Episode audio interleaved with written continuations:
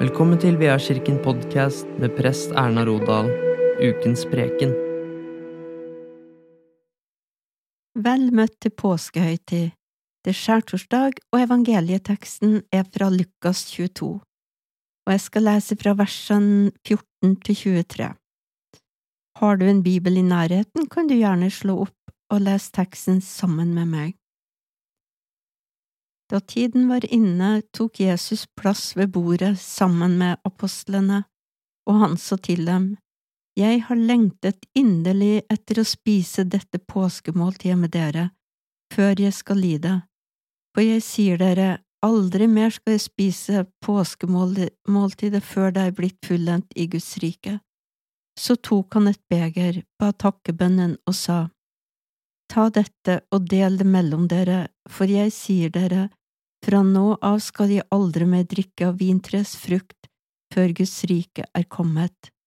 Så tok han et brød, takket og brøt det, ga dem og sa, Dette er min kropp som gis for dere, gjør dette til minne om meg.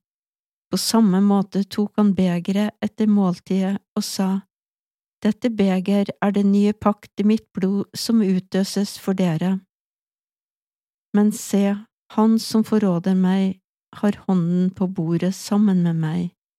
For menneskesønnen går bort slik som det er bestemt, men ved det mennesket som forråder ham. Da begynte de å trette om hvem av dem det kunne være som skulle gjøre det. Slik lyder det hellige evangelium. Jesus og disiplene er sammen i Jerusalem i forbindelse med påskehøytiden, og vi er kommet til torsdag kveld og det store påskemåltidet. Etter jødisk tradisjon så skulle påskelammet spises innafor Jerusalems bymur, og stedet de er samla er det rommet eller den salen som kalles Øvresalen på Sionhøyden. Der hadde esseerne sitt kvarter og et kloster.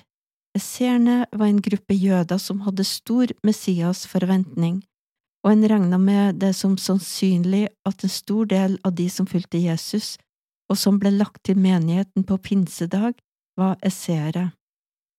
Jesus og disiplene hadde forberedt seg til måltidet som i utgangspunktet var et tradisjonelt jødisk påskemåltid. Måltidet ble feira etter de tradisjonelle reglene for påskemåltidets orden, eller seder, med usyre brød, bitre urter og fire beger vin, der hvert av begrene innleda hver sin del av måltidet. I tillegg så spiste de kjøttet fra påskelammet, som var et son soningsofferlam som ble slakta på tempelplassen til soning for folkets synder og minne om utferden fra Egypt og frihet fra slaveriet. Teksten var fortell om to beger vin, Jesus ber disiplene drikke vin og knytte det til takksigelsen, men det begeret etter måltidet som knytter påskemåltidet direkte til nattverden, og drikkes etter at måltidet er spist og brødet er brutt. Og skal vi følge den rabbinske tradisjonen, så vil det si det tredje beger vin, velsignelsens beger.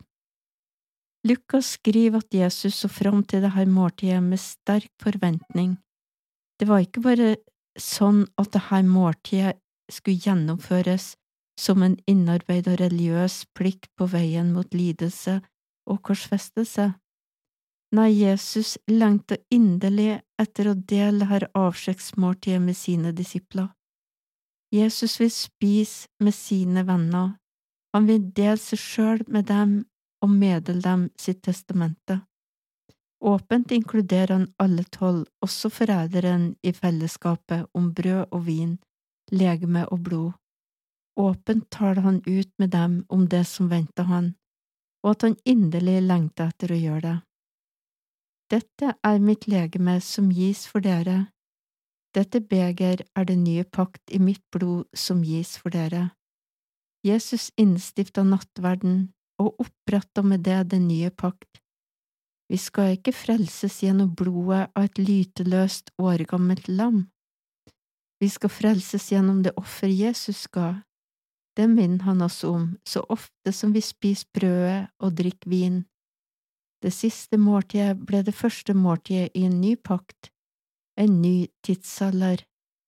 Kretsen rundt bordet har vokst fra tolv til tusener til millioner av venner som samles om brød og vin.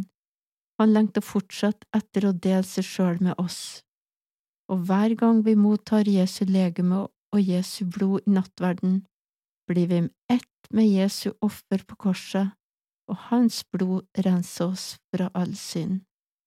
Ære være Faderen og Sønnen og Den hellige ånd, som var, er og kommer, en sann Gud, fra evighet og til evighet. Amen.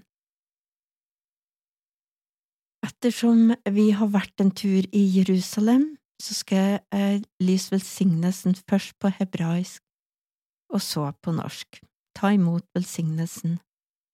Ivarechecha Adonai ve ishmerecha, ja er Adonai panavelecha ve huneka, isa Adonai panavelecha ve yasemlecha shalom. Herren velsigne deg og bevare deg.